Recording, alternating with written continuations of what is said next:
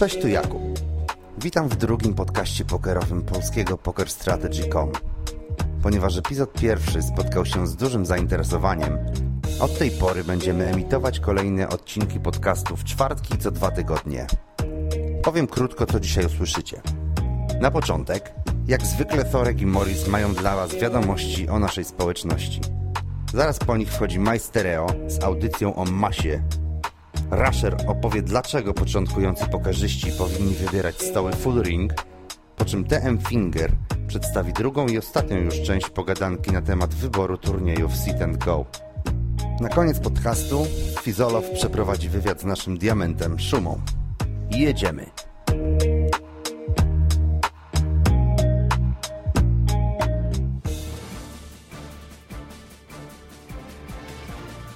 Witamy Was w kolejnym serwisie informacyjnym w specjalnym wydaniu z okazji urodzin Morisa. Witam serdecznie. Zaczynamy od najświeższej wiadomości, czyli wstąpienia Szymona Pieszczocha w skład Team Poker Strategy. Szymon znany w naszym serwisie pod pseudonimem Simon 1989 od ponad roku świetnie radzi sobie w MTT. Zaliczył już sporo spektakularnych wygranych zarówno w turniejach online jak i live. Jak się okazało, jego gra i sukcesy zostały zauważone i docenione przez osoby odpowiedzialne za stworzenie teamu PokerStrategy.com. I tym sposobem w jego barwach pojawił się pierwszy Polak. Życzymy Simonowi wiele udanych występów w największych światowych turniejach. A już niedługo Simon wystąpi w EPT Londyn. Jak sądzisz, Morris, dadzą nam komentować ten turniej? Słuchaj, no nie wiem jak turniej, ale muszę wam się przyznać, że słyszałem w kuluarach, że na forum mamy wątek, w którym można składać gratulacje i Simon płaci 5 dolarów za gratulacje, także kończmy podcast i lećmy na forum, wiesz, piątek czeka. No, warto się rzucić. Zmagania w ramach mistrzowskiej ligi trwają w najlepsze. Za nami już 6 z 18 zaplanowanych turniejów fazy zasadniczej. Na prowadzeniu wciąż jest Węgier Arem, który na swoim koncie ma już 37 punktów. E, niestety Polacy w ostatnich turniejach nie spisywali się najlepiej i w ostatnich trzech meczach niestety nie zdobyliśmy zbyt wielu punktów. Póki co najwyżej z naszych reprezentantów sklasyfikowany jest Szuru, który z 17 punktami zajmuje 10 pozycję. Pozostali Polacy zajmują miejsca poza pierwszą dwudziestką. Przypominamy, że turnieje odbywają się w środy, soboty oraz niedzielę. 26 września o godzinie 20 na platformie PokerStars odbył się wielki pojedynek pomiędzy społecznością polską i hiszpańską. Polacy, zmotywowani wcześniejszymi zwycięstwami nad Węgrami oraz Francuzami, stawili się bardzo liczni na placu boju, dzięki czemu już od początku mieliśmy lekką przewagę nad przeciwnikami. Resztę nasza społeczność pokazała już przy stolikach. W Hedzapie walczył nasz admin Jakub, który stanął w szranki z Hiszpanem o niku Rorro. Ostatecznie zwyciężył ten drugi, niemniej jednak w całej bitwie wygrali Polacy, zgarniając ponad dwa razy więcej pieniędzy z puli nagród. Serdecznie Wam dziękujemy i gratulujemy wszystkim uczestnikom turnieju. Kolejna bitwa już za miesiąc, a naszym przeciwnikiem prawdopodobnie będzie Portugalia, której szeregi będą wspomagać pokerzyści z Brazylii. No to co, Torek? Chyba wypada tutaj oficjalnie pogratulować Rorro. W, w ogóle jak to się wymawia? Rorrowi chyba. Al albo Rorru. W każdym razie gratulujemy serdecznie. 52. event World Championship of Online Poker rozgrywanego na platformie PokerStars przyniósł nam sporo emocji, ponieważ przy finałowym stoliku znalazł się reprezentant polskiej społeczności Poker Strategy Kinch. Nasz diament świetnie sobie radził w tych zmaganiach i niewiele brakowało, a wygrałby ten turniej. Ostatecznie musiał jednak on uznać wyższość pokerzysty z Ameryki, z którym przegrał w heads-upie. Niemniej jednak drugie miejsce w takim turnieju to jest spory sukces, który zresztą przekłada się na wynik finansowy, ponieważ nasz pokerzysta zarobił ponad 85 tysięcy dolarów. Serdecznie gratulujemy i życzymy kolejnych tak udanych występów. Torek, co byś zrobił, jakbyś wygrał takie pieniądze? No jakbyś mi kibicował, to pewnie połowę oddałbym tobie. A ty co byś zrobił? ja bym ci podziękował. Serdecznie dziękujemy za wysłuchanie serwisu informacyjnego, który prowadzili dla Was Roro, nie żartuję, Morris oraz Torek. Dziękujemy serdecznie. I do zobaczenia w kolejnym odcinku. Prosto z siłowni z Jarosławia wita Was gospodarz nowej audycji podcastowej Majster. Więc zanim przejdziemy do głównego koksu programu, krótko się przedstawię. Moja ksywka to Majster, jestem znany na forum naszego polskiego Poker Strategy jako Majstereo. Zdarza mi się tam podziubać, popisać jakieś różne rzeczy w działach Heads Up, Fix Limit, No Limit i czasem PLO. Mm, ogólnie zostałem zaproszony do tego, by poprowadzić podcast. Zobaczycie, jak to później będzie wyglądało. Mam nadzieję, że wyjdzie coś coś ciekawego z tego. Więc teraz powiem parę słów o tym, jak będzie wyglądała moja audycja. Audycja ma tytuł Masa i audycja będzie o wszelkiego rodzaju masie po prostu, prawda? Jak widzicie, może nie wiem, nie widzicie, jak słyszycie, au, e, audycja ta będzie poprowadzona przez, poprzez komplet, kompletny freestyle, więc jak, jeżeli znajdziecie jakieś niedociągnięcia, walcie je śmiało na naszym forum i spróbujemy z tych niedociągnięć zrobić bardzo mocne strony. Znaczy ja spróbuję, tak? Zapraszam teraz do pierwszego głównego koksu programu. Pierwszym moim głównym punktem będzie reklama mojego wątka kulinarnego na pokerstrategy.com, który znajduje się w dziale pogawędki. Jeżeli znacie jakieś dobre przepisy na masę umysłową albo masę mięśniową, zapraszam do wrzucania przepisów swoich ulubionych potraw do tamtego wątku, żeby wszyscy mogli się czuć zdrowi i szczęśliwi. Dzisiaj do studia zaprosiłem człowieka, który został wybrany masą tygodnia poprzez czytelników czasopisma Masa musi być, w skrócie MMB. Dzisiaj masą tygodnia jest Hadard. Witam, przedstaw się. Witam wszystkich bardzo serdecznie. Z tej strony Hadard z Polskiej Społeczności i Poker Strategy. E, Zacznijmy od głównego pytania. Jak tam masa? Rośnie, To rośnie. bardzo dobrze. Może teraz powiesz, jak najbardziej, jak najbardziej lubisz pompować swoją masę? Jakie są twoje ulubione ćwiczenia? Moim ulubionym ćwiczeniem jest przede wszystkim jedzenie. Mhm. To pozwala regularnie zwiększać moją masę, Mhm. która jest już i tak bardzo pro. Pamiętajcie, masa musi być, ale powtórzymy to jeszcze kilka razy podczas dzisiejszej, dzisiejszej audycji. No to co, kończymy już wy, wywiad. Zapraszam na kolejne te odcinki takiej podaudycji. Masa tygodnia. Pozdrawia Majster i pozdrawia Po jednym z najlepszych wywiadów w historii y, dziennikarstwa światowego zapraszam na kącik zwiększania masy pokerowej. W dzisiejszym odcinku zwiększania masy pokerowej porozmawiamy o tym, jak efektywnie oglądać coaching videos. Zacznijmy od krótkiego wstępu. Zmierzam do tego, że większość ludzi nie ogląda wideo tak jak powinna. Mianowicie, wiecie jak wygląda u niektórych z Was oglądanie filmów szkoleniowych. Odpalamy sobie filmik, a jednocześnie jedząc obiad i większość uwagi u, znika nam na tym, że staramy się bardziej dokładnie przerzuć nasze jedzenie, wyciągnąć potrzebne nam informacje z filmiku. Ja, ja w tej audycji postaram się Wam przedstawić rady, dzięki którym będziecie mogli budować schemat oglądania filmików, e, co wpłynie na rozwinięcie Waszego schematu pokerowego, prawda? Czyli rozwinięcie procesu myślowego podczas grania. Dzięki temu będziemy mogli się rozwinąć w zbieraniu informacji na przeciwnika, później wykorzystywaniu tych informacji, które podłapiemy. Więc teraz przejdźmy do głównego, do głównego koksa programu. Pierwszym koksem programu będzie, mm, będą rady na temat, jak robić notatki podczas oglądania filmiku. W sumie całe, cała ta audycja będzie podczas tego, prawda? Bo przy pomocy notatek chcemy budować ten nasz schemat pokerowy, by później po prostu podświadomie wszystko wykonywać podczas gry. Więc tak, zacznijmy od tego, że jeżeli oglądamy jakiś filmik, czy to jest live video, czy to jest session review, czy to jest hand review w jakimś replayerze, Poker Tracker, Hold'em Manager bądź Elephant, to polecam wytworzyć notatki, które będą nam pomocne cały czas na bieżąco. Niektórzy trenerzy wypisują dużo rzeczy, niektórzy trenerzy wypisują tylko wielkie rzeczy, niektórzy trenerzy nic nie wypisują. Ogólnie polecam nie wzorować się na tym, bo przeważnie notatki to jest styl trenera, prawda? To jest styl grania, który trener budował ileś tam czasu swojej pokerowej kariery, prawda? Ja polecam wykonanie, budowanie własnego schematu pisania notatek, czyli jeżeli oglądamy filmik, widzimy coś konkretnego, czego trener nie zanotował, polecam zanotować to własnymi słowami, prawda? I znowu, techniki są przeróżne. Możecie to zanotować przy pomocy tego, że opisujemy całą historię ręki, e, krok po kroku i później wypisujemy wniosek, bądź, bądź wypiszemy sam wniosek, prawda? Już na samym początku polecam unikania wypisywania samej historii ręki, bo później zobaczymy kawał hieroglifu, prawda? Czyli A, że przeciwnik miał na przykład AX, coś tam X, prawda? Na bordzie takim i takim i takim zrobił to, to i to i będzie brakować wniosku. Z tego nic nie można wywnioskować. Znaczy, jeżeli się wczytamy, to będziemy się, będziemy po prostu w stanie sobie przypomnieć to wywnioskować. Jednak, jeżeli ktoś gra dużo stolików, będzie to strata czasu. Więc wypisujemy albo historię całej ręki i wniosek, albo sam wniosek, jak to wpływa na naszym zakre- y, na, na zakresie naszego przeciwnika. Podczas filmiku unikamy klepania takich sytuacji na pamięć, tylko staramy się po prostu już teraz po naszemu pisać, jak to ma wyglądać. Drugim punktem naszego programu, drugim koksem naszego programu, który jakby nie było też jest podczepiony not- pod notatki, będzie nauka. W sumie to nie będzie nauka na pamięć, tylko będzie to jak się nauczyć, żeby to zrozumieć. Czyli nieznane nam konce- koncepty teoretyczne oraz egzotyczne akcje, których trener wykonał w rozdaniu, prawda? Na przykład, że ma układ, który normalnie zagrałby tutaj call, ale zagra tutaj race i po prostu uczymy się później tego na pamięć i to wykonujemy, do końca nie wiedzieć czemu. To jest pierwszy punkcik, który chciałbym tutaj poruszyć. W takich sytuacjach, już mówiłem to przedtem, podczas oglądania wideo unikamy klepania na pamięć sytuacji.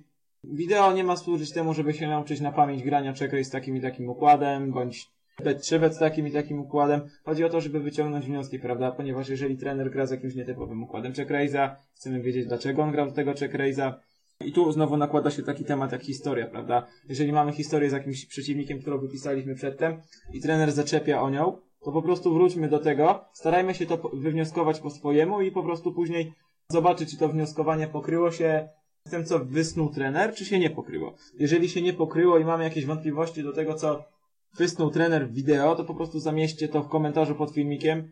Każdy trener z chęcią z wami podyskutuje o tym, co napiszecie. Przez to trener poprawi swoją grę, poprawi jakość swoich filmików, a także wy znacząco podniesiecie e, skillsy pokerowe, prawda? Oczywiście następny podpunkt, następny koks naszego programu jest prosty. Kreatywność. Chodzi tutaj o to, że jeżeli po prostu oglądamy wideo, jak już mówiłem, cały czas oglądamy wideo, robimy notatki na naszych przeciwników, patrzymy, notujemy każdą historię, która według nas będzie istotna.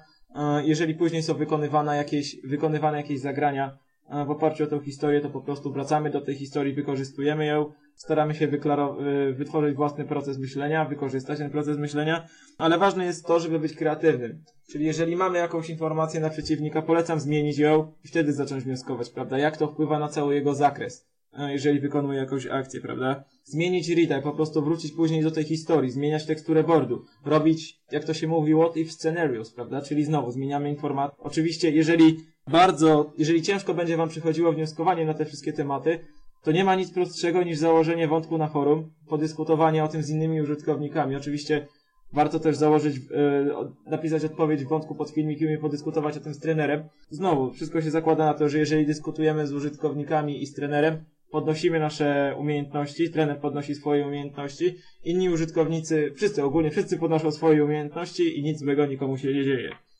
Yy, więc to by było chyba na tyle, jeżeli chodzi o moje krótkie rady dotyczące oglądania wideo.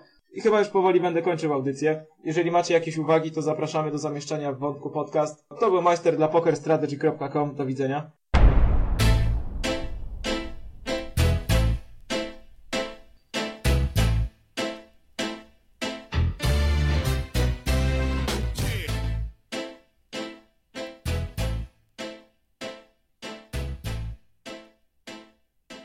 Witam wszystkich z tej strony Rasher i Dzisiaj chciałbym Wam opowiedzieć o czymś takim jak wyższość ringów nad shorthanded. Ja oczywiście się troszeczkę śmieję. Eee, mówię tutaj o kompletnie początkujących graczach, którzy po prostu zaczynają swoją przygodę z pokerem. I, i, i chciałem e, tak w, w skrócie polecić, żebyście moim zdaniem, ponieważ jednak jestem, nie jestem w 100% obiektywny, zaczynali od e, ringów i dlaczego w ogóle chciałem wam to polecić, to, to, to sprawa dla mnie jest dość prosta. Po prostu ring game a short-handed, nieważne czy to jest 6 max, czy to jest uh, 5 max, czy to nawet będzie heads up, a po prostu ringy są troszeczkę łatwiejsze, szczególnie jeśli e, jesteście bardzo początkującymi graczami, prawda? Kiedy, kiedy macie e, nawet tabelki z, czy, czy, czy różne rzeczy, które tam stosujemy, to są znacznie prostsze na ringu niż na short-handed. Gra jest prostsza, jest łatwiejsza, post-flop. Już nie mówiąc o tym, że macie nawet tabelkę, którą możecie, prawda, zastosować, jak jesteście zupełnie początkującymi i spokojnie dzięki niej będziecie wygrywać. Post-flop macie naprawdę proste decyzje. A przy okazji tutaj przecież trzeba się pochwalić. Całkiem niezła ekipa na forum może Wam pomóc rozwijać umiejętności, więc spokojnie wszystkich na podobnych limitach, które sobie gracie, przegonicie, nie? Także tak naprawdę, czemu, czemu jeszcze warto e, wybrać ringi nie short-handed na samym początku swojej pokerowej kariery? Pomijając fakt, że sama gra jest troszeczkę prostsza i troszeczkę łatwiej to wszystko ogarnąć, to kwestia jest też taka, że e, poziom graczy, no jakby nie było na ringach jest troszeczkę niższy niż na short-handed, no i to jest kolejnym plusem dla nas, prawda? My się możemy, musimy zastanawiać, możemy sobie bardziej automatycznie grać, ale na samym początku nie jest to nic złego, ponieważ my gramy tylko po to, żeby się uczyć, przepnąć przez te stawki jak najszybciej, no a później dopiero wybrać swój, prawda, styl gry, swoje limity, swój, swój, prawda, tam konkretny, swoją konkretną grę, czy to będzie holdem, czy to będzie co innego, no to już wszyscy w przyszłości będziemy sobie tam, prawda, decydować. No tak, tak, tak, jeśli zaczynamy, no to warto sobie jednak siąść do jakiegoś jedne, jednego, dwóch ringów i pograć. No i to jest właśnie tutaj kolejny, kolejny powód, jeśli chodzi o ringi, który troszeczkę wpływa na to, abyśmy raczej wy wykonywali taki wybór, jest, jest to, że e, można sobie więcej stołów odpalić, jeśli chodzi o full ring niż o short-handed. I jest to mniej absorbujące, ponieważ na short-handed nawet na tych jak coraz to mniejszych limitach, no może nie porównujmy tutaj NL2 do NL2 ringów, czy NL5 do NL5, no ale te tam NL10 sami no już coś tam wymagają od nas, prawda, jakiegoś zainteresowania przynajmniej tą grą, nie, nie, nie takiej stuprocentowo automatycznej klepanki, więc jeśli chodzi o to, no to ciężko jest odpalić sobie 16 albo jeszcze więcej stołów short-handed na przykład, ale na ringach jest to zupełnie możliwe. I gra tight nikogo nie zdziwi, prawda? Zazwyczaj na short-handed też na tych małych limitach będziemy grać tight. No ale nie aż tak jak na ringach. Przez co tych ringów możemy odpalić więcej, naprawdę 16, 18 to, to, to przecież nie, nie, nie bylibyśmy jedynymi osobami, które grają tyle stołów. No za, za to na short-handed, jakby ktoś klepał tyle stołów, no to już naprawdę, to już naprawdę chciałbym złożyć mu gratulacje, no bo to co najmniej było dla mnie niesamowite. No jeszcze jakby wygrywał na większości z tych stołów, to już w ogóle chciałbym się od niego uczyć grać po prostu.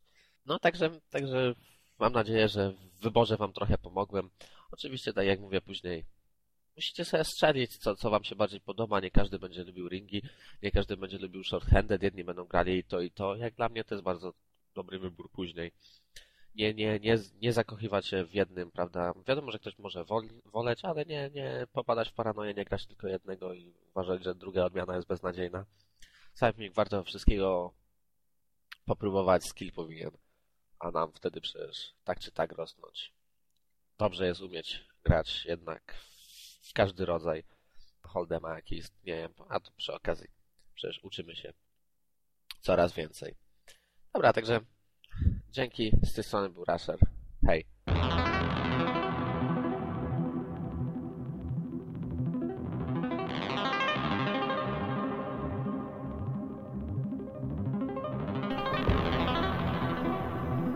Witam serdecznie z tej strony Ten Finger dla PokerStrategy.com. Zapraszam do słuchania drugiej części mojego podcasta. I teraz kolejna sprawa, czyli 45 na FTP. Tam mamy 3-minutowe bodajże. Nie, sorry, tam są. Tam są 3 czy 4-minutowe blindy, ale o bardzo płaskiej strukturze. W związku z tym turnik trwa no sporo dłużej niż, e, niż na Poker Stars i automatycznie gramy wyższym stakiem, a co za tym idzie, gra jest odrobinę trudniejsza. We wcześniejszej fazie, jeśli się nabudujemy, no to musimy potrafić szanować i wykorzystać nasz stack. Często dochodzi do gry post-flop, którą też musimy umiejętnie wykorzystać mm, i umiejętnie się w niej zachować, szczególnie wobec innych e, dużych staków jeszcze dalej w fazie push or fold dochodzi do, do sytuacji, w której mamy okolice 20 BB. Na przykład wtedy dużą, dużą rolę odgrywa restil i odpowiednie czytanie gry przeciwnika. Także suma summarum jest to e, znacznie różniąca się. Patrząc na to, że generalnie o wygranej decydują niuanse, no to tutaj różnica jest duża pomiędzy 45 na FTP i na PokerStars. Dodatkowa różnica to jest jeszcze to, że w 45 na FTP mamy 6 miejsc płatnych, a w, e, na PokerStars 7. Kolejny, kolejna odmiana to są 180. Gramy podobnie jak 45, tylko ta faza push or fold taka, która, e, która jest grana przy stosunkowo niskich stakach, a jeszcze długo, e, a jeszcze będąc daleką od Indemany jest po prostu dużo dłuższa niż w 45. Trzeba również umiejętnie grać, trzeba pamiętać aż do babla o tym, żeby żeby umiejętnie wykorzystać nasz stack, e, jeśli jest duży i nie angażować się w marginalną grę z innymi big stackami. A jeśli mamy niewielki stack, no to odpowiednio z odpowiednim poziomem agresji, odpowiednim range'em próbować się podwoić. Cecha charakterystyczna to jest bubble, który stajemy się jako tako spektować i, i, i staramy się tam wejść w te pieniądze, ale trzeba umieć rozgraniczyć trzeba umieć ocenić nasz stack i naszą sytuację w turnieju w, kon w kontekście wielkości wygranych e, po pęknięciu babla i fakcie e, dosyć istotnym dla tej odmiany, czyli płaskiej struktury wygranych od 9 do 18 miejsca. Ja zazwyczaj staram się wejść i z powodu, no, nie, jako, jako first in generalnie gram swoją standardową grę, pomimo tego, że to jest bubble, a ja jestem w ciężkiej sytuacji, jeśli chodzi o ilość żetonów, to, to, to staram się grać nadal swoje dosyć agresywnie, tak jak, e, tak jak to robiłem wcześniej, żeby spróbować się podwoić, żeby do fazy e, semifinal table wejść z jako takim przynajmniej stakiem, ale nie, nie ma sytuacji takiej, że, że po prostu za wszelką cenę chcę tam e, być. Przede wszystkim liczy się tutaj tak, ponieważ prawdziwe pieniądze zaczynają się dopiero od final table i to niekoniecznie od dziewiątego miejsca. Jeśli już dojdziemy do semifinal table, tam musimy, tam musimy wykazać się sporą agresją i czujnością, jednocześnie próbować e, jak najbliżej, jak najmożliwie dokładnie ocenić grę przeciwników, ponieważ oni też będą grali agresywnie, w związku z tym, jeśli będą puszowali, to musimy mieć na uwadze to, że ich range będą szersze. Final table to jest znowu zmiana naszego zachowania, ponieważ tutaj wchodzimy już w konkretną strukturę wygranych, która która nie jest specjalnie płaska, trzeba tam wychwycić różnicę bodajże pomiędzy szóstym, piątym miejscem, no i gra później w top 3 jest dosyć istotna. Tutaj się już posługujemy do analizy e, takimi narzędziami jak e, SNG Wizard, który na pewno przyniesie nam sporo ciekawych informacji analizując grę na Final Table, ponieważ no, dochodzi tam do ciekawych e, spotów, gdzie czasami wydaje się nam, że mamy oczywistą grę, a, a, tutaj jest wręcz przeciwnie. Wszystko sprowadza się właśnie również do, do struktury staków i do, do naszej sytuacji e, na stole. E, ostatnią odmianą, o której chciałbym powiedzieć, wydaje mi się, że jest to najtrudniejsza odmiana z tych, które do tej pory omawiałem, chociaż również bardzo dochodowa. Są to turnieje Turbo Six Max jednostołowe. Poziom na nich jest dosyć niski, czasami bardzo niski, aczkolwiek nie ułatwia wcale nam to y, gry. Przeciwnicy grają luźno, musimy naprawdę umiejętnie z nim postępować. Dochodzi często do gry post-flop y, i we wczesnej fazie musimy y, rozgrać, musimy grać tight, ale musimy również umieć zachować się niejednokrotnie, znaczy przede wszystkim grając nawet tight i tak często dochodzi do do gry post-flop e, z naszym udziałem. W związku z tym musimy umiejętnie podchodzić do tej gry, wiedzieć kiedy konti betować, kiedy nie konti betować, kiedy floatować i tak dalej. Bardzo, bardzo się nam przydają e, te umiejętności, które ewentualnie nabyliśmy w grze cache'owej Six Max, aczkolwiek musimy je wykorzystywać cały czas z zachowaniem hmm, przede wszystkim zasady gry e, tight. E, za mało mamy żetonów, żeby, żeby budować e, w jakiś e, luźny sposób nasz image, czy coś w tym stylu. Nie? Gramy tight i staramy się umiejętnie grać post-flop, oszczędzając żetona, a jednocześnie nie popaść w zbyt pasywną grę. To tyle, jeśli chodzi o charakterystykę poszczególnych odmian. No najbardziej dochodowa wydaje się być odmiana 180, gdzie największą wygraną na jeden turniej średnio jesteśmy w stanie zanotować, ale musicie wiedzieć, że, że przecież tych turniejów się nie da tak dużo rozegrać jak na przykład turniejów jednostołowych. E, turnieje jednostołowe są dosyć e, proste, jeśli chodzi o zasady, łatwo sobie je przyswoić. Trudność polega na tym, że jest bardzo dużo dobrych graczy od średnich poziomów już. Także wybierzcie to, co Wam najbardziej pasuje, wybierzcie odmianę tak, którą najlepiej rozumiecie. Pamiętajcie o tym, że o każdej odmianie decydują naprawdę, o sukcesie w każdej odmianie decydują naprawdę niewielkie niuanse i jest ich bardzo dużo, trzeba je poznać i e, jeżeli uda nam się to zrobić i poczuć e, komfort psychiczny odpowiedni, wtedy zapewne e, będziecie odnosili sukcesy w tej odmianie. Często pokerzyści grający SNG przechodzą płynnie do MTT, droga od jednostołowych dziewięcioosobowych przez wielostołowe 180, połączenie ich e, z turniejami Six Max i umiejętną grą tam, połączenie ich z grą, o której tutaj nie mówiłem, czyli Heads Up. Na pewno połączenie wszystkich najważniejszych umiejętności stamtąd uczyni z nas dobrych w przyszłości graczy MTT. Jeśli taka jest, jeśli taki wasz jest plan i taka jest wasza droga. Dzięki wszystkim jeszcze raz, do usłyszenia następnym razem. To był Ten Finger dla Poker Strategy. Pozdrawiam serdecznie, życzę powodzenia.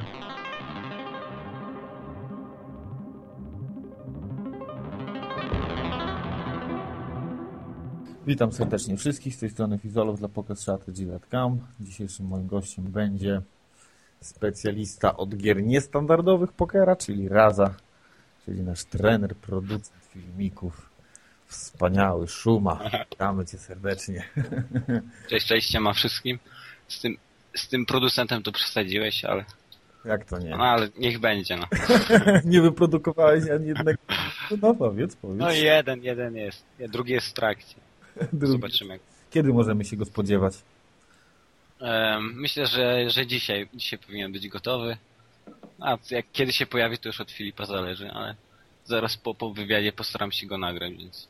Aha, czyli dzisiaj, e, dzisiaj to mam na myśli Szuma 28 września 2010 roku. Dokładnie. E, zeznanie jest na taśmie, pójdzie na żywo, więc już nie masz wyboru, musisz ten filmik nagrać i udostępnić do naszym to się wytnie, to się wytnie.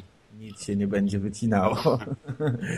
e, wiesz co, ja nie chcę z tobą rozmawiać o pokerze, wiesz o tym? No i dobrze. No. A o czym ciekawym? Żartowałem. E, zapewne już miałeś tysiąc pytań na temat tego, dlaczego akurat raz, a nie holdem, a nie inne takie rzeczy, ale powiedz mi to, bo ja tego jeszcze nie słyszałem. Dlaczego? To kwestia przypadku tak naprawdę. E, nie wiem, czy kojarzycie Leonidasa, nie wiem, jakiś rok temu się wprowadziliśmy razem. Zobaczyłem, że on gra, on grał wtedy chyba FL-a, Holdem. No i pewnego dnia przyszedłem do niego i się zapytałem, zapytałem o jakąś niszową odmianę, w której bym chciał się specjalizować, no i polecił mi raz, a on od czasu do czasu tam grywał, no i, no i tak, tak, tak to się zaczęło, no. Tak naprawdę wcześniej nie próbowałem niczego, niczego innego i, i tak, tak, tak wyszło, no. Kwestia przypadku długo przygotowywałeś tą mowę, po prostu przyznaj się, że dostawałeś cięgi w Holdema i... Nie, no co, nie, naprawdę, ani razu nie próbowałem w tą odmianę, ewentualnie później dopiero jak zacząłem reza, no, można tak... zobaczyć mój wykres, no. no, no od, od, razu raz? Od razu raz? Od razu, od razu, od razu z ostrej rury pojechałem. No. Ile już? Na, na, początku nie szło, ale, ale później jakoś to wiesz. Ile już męczysz? Ile? To będzie jakieś 16 miesięcy dokładnie. Dokładnie to 17. Co, y, co radzisz początkującym, jeżeli chodzi co o... Radzę początkującym? Wytrwałości przede wszystkim. To przez pierwsze trzy miesiące tak naprawdę miałem, e, wpłaciłem jakieś 600 dolarów, dostałem 600 dolarów bonusu, czyli miałem razem 1200 i tak naprawdę przez dwa trzy pierwsze miesiące wszystko traciłem i tak naprawdę trzeba no, dużej wytrzymałości i odporności psychicznej, żeby, żeby się nie zrazić na początku do tej odmiany, a z czasem wyniki przyjdą oczywiście. No wiadomo, początki zawsze bywają trudne. No. I nie tak naprawdę no tak naprawdę to była kwestia przypadku, że, że, że, że gram dalej w to, ponieważ E, z tych 1200 dolarów spadłem do 20 i, i zagrałem dwa goły pod rząd, dwa banki. Tak naprawdę gdybym je przegrał, to, to, to, pewnie już więcej nie grałbym w tą odmianę. Więc mówię, to, to była kwestia przypadek, zupełny przypadek. A powiedz mi, yy, ile dziennie poświęcasz na grę? Tak standardowo 8-9 godzin, czyli tak 160 godzin w miesiącu, to, to mi się taka średnia wyjdzie w, w, ciągu tych 12 miesięcy, czyli standardowy etat po prostu. Traktuję to jako pracę w tym momencie, więc... Godziny pracy. Więc, godziny pracy? Godziny pracy to nocne głównie. Nie, nie, nie, nie mam jakichś tam sztywnych y, godzin, to zależy. Zależy po prostu kiedy są gry, kiedy stoły, kiedy mam czas i tak dalej, i tak dalej, więc sztywnych godzin pracy nie mam. Y, jeżeli jesteś w tym momencie możesz o sobie powiedzieć, że jesteś profesjonalnym yy, pokerzystą i żyjesz z tego, prawda? No, jeżeli ktoś uważa, że profesjonalny pokerzysta to pokerzysta, który się utrzymuje z tego, no to tak, tak można to sklasyfikować. Chociaż tak do końca nie uważam się za profesjonalnego gracza, ale, ale jeżeli tak to klasyfikujesz, to możemy tak to nazwać. Słuchaj, yy, jakieś inne plany oprócz w ogóle pokera? Jakieś, jakieś cele? Znaczy, ostatnio zacząłem grać e, w inną odmianę, znaczy tak głównie właśnie z braku, z braku stolików w rezach, a tak naprawdę traktuję to na razie jako, jako rozrywkę. No a może w dłuższej perspektywie okaże się to moim, nie wiem, drugim zainteresowaniem i może pociągnę to dalej. No zobaczymy. A jeśli chodzi o jakieś tam dalsze plany, to myślę, że w Sop, na Wsopa planuję pojechać za rok. E, może jakiś, e, jakiś NL, jakiś MTT. Nie wiem, nie wiem. Na, na razie skupiam się na rezie i, i, i póki A są ty, w ogóle wyniki. mnie, a ty w ogóle słuchasz, co ja się ciebie pytam? Czy masz przygotowane? No. Nie, słucham Ja cię. się, ja się pytam o twoje, o twoje plany i o twoje rzeczy pozapokerowe, a nie o... Aha, poza pokerowe. poza pokerowe, no to jakaś własna firma, działalność. E, nie wiem, czy tam pewnie już część osób wie, że wcześniej pracowałam e, w branży interaktywnej, więc myślę, że w tym kierunku, jak zbuduję jeszcze większy bankroll, postaram się w tym kierunku coś zadziałać. No ale to jeszcze nie jest, nie jest nic pewnego. Zobaczymy. Opowiedz coś więcej o tym. Znaczy pracowałem w firmie in- interaktywnej, zajmuję się, zajmowałem się tam e, różnymi kampaniami i firm w internecie i tak dalej. Głównie na początku robiłem grafikę na potrzeby stron www. Później właśnie to przerodziło się właśnie bardziej w jakieś tam marketingowe cele. Aha. No zobaczymy. No. A ty z przyjemności coś? Jakie Z przyjemności? przyjemności pozapokerowe, no? E, Generalnie staram się w miarę możliwości i czasu gram w tenisa ziemnego. Teraz od za tydzień e, zapisuję się na siłownię. A tak właśnie bardziej dla rozrywki, żeby trochę odpocząć od pokera. Ostatnie miesiące to był ciężki grind. Dobrze, Więc, e, a... a ja się tak zastanawiam, jak jesteś profesjonalnym pokerzystą, zarabiasz, masz etat, grasz w raza w nocy, a jak tam z kobietami w takim układzie? Z kobietami? Z kobietami dobrze, mam dziewczynę, oprócz tego imprezy, nie narzekam. Jeśli chodzi o to, wiadomo, brak czasu, jeszcze zależy tak naprawdę od dziewczyny, czy ona to akceptuje, czy nie. W moim przypadku nie jest to najłatwiejsze, ale powoli staram się ją przekonywać i coraz lepiej z nim idziemy, więc, Co ona na to? nie jest najgorzej, ale, ale no, generalnie nie jest zadowolona. Wiadomo, jak podejście osób, które nie są związane z pokerem i nie mają o tym pojęcia jest myślą, że tak naprawdę to jest hazard, gra szczęścia i tak dalej, i tak dalej. Tym bardziej moje niestandardowe godziny gry i tak dalej to jest to jest problem w dłuższym czasie, ale jeżeli komuś umiesz to racjonalnie wytłumaczyć, to, to, to, to z czasem da się przekonać nawet, nawet osoby, które nie mają o tym pojęcia. A wróćmy jeszcze na chwileczkę do raza. E, Z tego względu, że jest to bardzo no, taka niszowa odmiana pokera. E, W Polsce jest bardzo mało graczy, którzy w ogóle się w tym specjalizują. E, Mhm. Skąd zbierałeś materiały do tego, aby się nauczyć? Czy uczyłeś się po prostu sam i sam koncentrowałeś? Na początku e, znalazłem kilka książek. E, tak naprawdę dwie książki Sklęskiego i Doyla, Bransona. E, później znalazłem e, inną konkurencyjną stronę, gdzie były filmiki szkoleniowe jednego z lepszych graczy, którą rozpracował matematycznie i w sumie tak naprawdę to na, na nich zdobyłem całą wiedzę, a później liczyło się właśnie własna praca, własne nie wiem, jakieś zabawy z kalkulatorem, equity i tak dalej, i tak dalej, badanie equity i tak dalej. E, No głównie, głównie później w dalszej perspektywie, jeżeli przy takiej małej ilości materiałów, e, najważniejsze jest właśnie samo szkolenie i samo zaparcie. No, nie ma dużo materiałów, wszystkie tak naprawdę jest się w stanie ogarnąć w, w ciągu dwóch miesięcy, no i później liczy się właśnie własna praca. Roz- Mówię, to, to- nie, nie, nie, jest, nie jest to łatwe, ale jeżeli ktoś to opanuje, to, to mo- może się wspiąć na, na, na, na wysokie stawki i później grać tam z naprawdę dobrymi rezultatami. A grałeś już z kimś e, sławnym, że się tak zapytam, po na pokera, czy na razie? Mm, Ze sławnych tak, grałem na przykład, to znaczy ze sławnym, nie grałem z topowymi graczami jak tam Gus Hansen czy Biur, ale udało mi się grać, rozegrać niedawno sesję na 100-200 z Huckleberry Seedem, który tam bodajże 10 lat temu wygrał main event w SOPA, oprócz tego wygrał dwa w SOP res, nawet udało się skończyć z nim sesję na, na, na, na plusie, mówię, jest, jest to dobry gracz i tak naprawdę w sumie z ciekawości zagrałem z nim tam kilka set roznań i, i się pożegnaliśmy.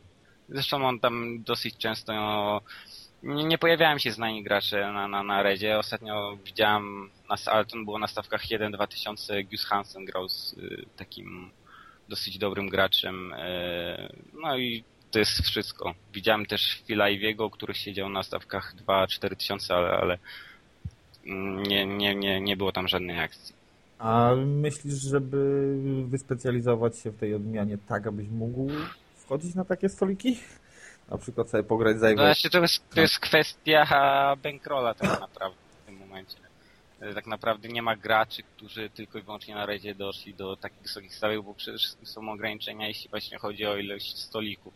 E, Jest na przykład duży przeskok między stawkami 50-100, a 1-2 tysiące tak naprawdę tam trzeba siedzieć 24 godziny na dobę i, i czekać aż ktoś się pojawi i możesz się dołączyć do niego. I, chyba, że grasz w inne odmiany i na tym budujesz rola i później możesz sobie pozwolić na granie wyższych stawek właśnie z Ivim czy, czy, czy, czy z Jurem i tak dalej.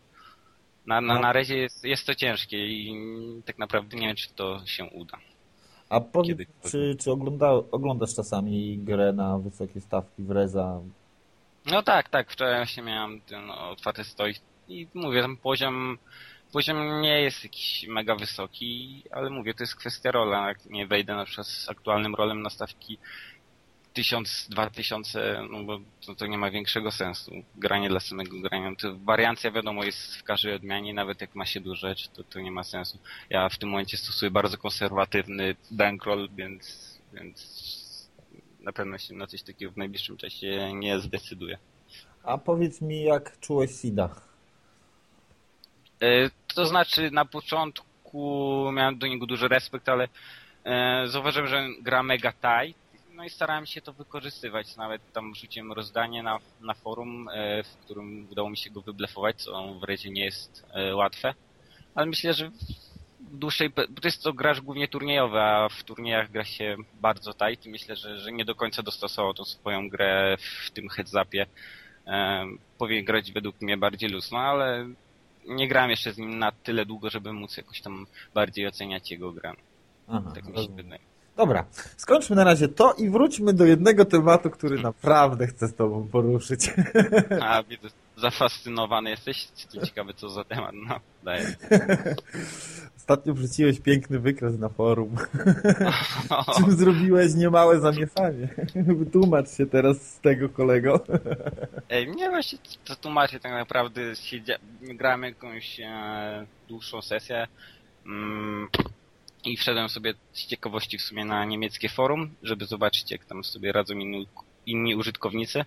Byłem właśnie ciekawy po tym moim rekordowym miesiącu, jak to właśnie wygląda w innych społecznościach, czy takie wyniki się zdarzają.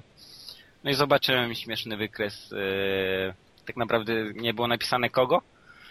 Minus tam było dokładnie 144 tysiące, no i postanowiłem, że zrobię małą prowokację i go wrzucę do siebie. Byłem ciekawy w sumie reakcji użytkowników, czy ktoś uwierzy w to. Nie, nie miało to jakiegoś głębszego sensu teraz, jak wi- widziałem po, po, po, po wypowiedziach, no ale, no ale trudno, stało się.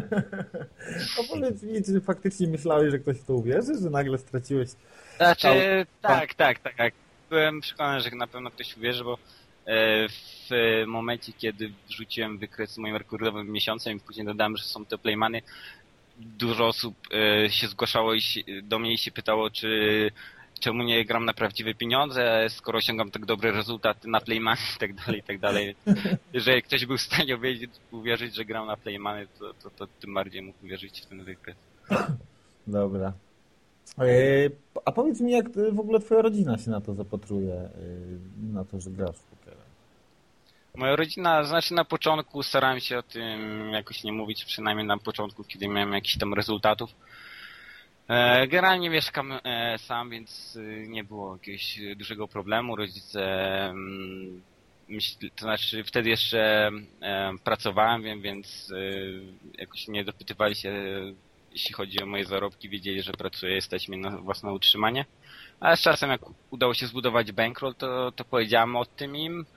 E, Do, na początku oczywiście nie byli do tego przekonania, ale jak zobaczyli, w dłuższej perspektywie mój rol rośnie i tak dalej, i tak dalej, więc jakoś powiedzmy, że się przekonali do tego, chociaż e, do końca nie są zadowoleni, ale ja i tak zrobię swoje, więc nie ma jakiegoś większego znaczenia, no ale nie, nie są generalnie zadowoleni z tego.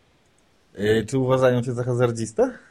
Tak, po części uważałem za, ha- za hazardzista, aczkolwiek e, po ostatnich wynikach, jakie udało mi się osiągnąć, e, udaje mi się ich powoli przekonywać do tego, że, że nie do końca to jest tylko gra szczęścia i liczą się umiejętności. Nie jest to łatwe, ale jak mówię, e, do końca, nie do końca są jeszcze w stanie to uwierzyć, aczkolwiek e, nie mieszkam z nimi i, i też tak nie mam za dużo czasu na, na jakieś tam większe dyskusje. Myślę, że, że w dłuższej perspektywie się przekonają do tego, jeśli zobaczą jakieś mm, dowody w sensie jakichś rzeczy, które uda mi się osiągnąć. W sensie jakiś dom i tak dalej, stabilizacja finansowa. Myślę, że myślę, że się uda ich przekonać. A powiedz mi, czy miałeś ostatnio jakiś taki swing, taki, że... To znaczy na początku tego miesiąca e, miałem swing na 10 tysięcy dolarów na stawkach 100-200, co, co, co nie jest jakiś tam dużym swingiem, to jest tylko 50 BB. E, no i jakieś 4 dni temu powtórzyłem to na 12 tysięcy, e, ale to było już, było to już na mniejszych stawkach, e, na jakieś 30, 60, 50, 100, ale jak mówię, przez te ostatnie dwa dni udało mi się również z tym powalczyć i, i udało się wyjść już na, na, na plus, więc swingi są, nie są duże w ostatnich trzech miesiącach, więc na razie nie, nie mam powodów do zmartwień. A nie miałeś takiego naprawdę ogromnego swinga, na przykład jak miałeś? Mm, znaczy na początku swojej kariery, ale tu mówię, jeśli chodzi o BB, tak naprawdę to było jakieś 230 BB, to był mój największy swing, Mm, ale na najmniejszych stawkach, więc finansowo to, to nie było tak strasznie. Znaczy miałem jakieś, e, połowę rola straciłem w moim najgorszym okresie. A powiedz To mi, czy wyobrażasz sobie swoje życie teraz na przykład bez raza, tak, bez w ogóle pokera, tak jakby się nagle... Mm, ciężko, ciężko mi sobie to wyobrazić. Nie, nie wyobrażam sobie teraz jakiejś pracy na etacie, mm, bycie, nie wiem, obowią- zobowiązanym do 8-godzinnej codziennej pracy w wyznaczonych godzinach, wstawania rano. Ciężko by było, ale no oczywiście, jeżeli zmusiło, zmusiłaby mnie do tego sytuacja, to, to, to nie miałbym wyboru. Aczkolwiek jeżeli jest alternatywa w postaci reza, to, nie zamierzam z tego rezygnować. Ale powiedz mi, czy to jest bardziej związane z tym, że w jeden dzień zarabiasz więcej niż średnia krajowa, czy, czy bardziej z tym, że jednak y, po prostu siedzisz sobie, pracujesz kiedy chcesz, grasz kiedy chcesz i ra, No raczej wiadomo, to stylem są- życia jest to związane niż, niż z samymi pieniędzmi. Myślę, że nie, jednak e, chodzi o pieniądze. Bo na wiadomo, styl życia i tak dalej, że możesz dopasować sobie, też ma znaczenie i też jest to na pewno plus, ale, ale sam, same wyniki finansowe to jest główny motywator do tego, żeby, żeby nie rezygnować z tego i, i się szkolić i osiągać jeszcze lepsze rezultaty. Okej. Okay. Ja już chyba tyle. Będziemy kończyć powoli ten wywiad. Chcesz coś powiedzieć tym, którzy będą słuchać? Tak, to chcę powiedzieć. E, Nie przygotowałem żadnej, ale żadnej mowy końcowej. No. Nie, myślę, że, że, że, że, że jedyne to, żeby ludzie podchodzili bardziej z dystansem do tego, co piszę czasem i, i, i do moich wypowiedzi. E, Nie zawsze wszyscy traktują to e, z dystansem po ostatnich właśnie wypowiedziach mm, stwierdziłem, że, że, że, że chyba nie ma jednak sensu wrzucać jakichś takich e, akcji prowokacyjnych. No, no i to tyle by było. Myślisz, że nie mają poczucia humoru? Albo raczej No, horroru? myśl- Myślę, że jeśli, może gdybym był jakimś e, graczem z niższych stawek i tak dalej, i tak byłoby to inaczej odbierane, a w związku z tym, że jakieś tam wyniki osiąga, mogą ludzie to odbierać w sensie, nie wiem, jakieś tam zadufania w sobie i tak dalej, i tak dalej. Myślę właśnie, że to wynika głównie, głównie z tego. Okej. Dzięki Ci serdecznie w takim razie za rozmowę. Moim i Waszym Dziękuję gościem, pozdrawiam wszystkich. moim i Waszym gościem był. Dzięki, pa.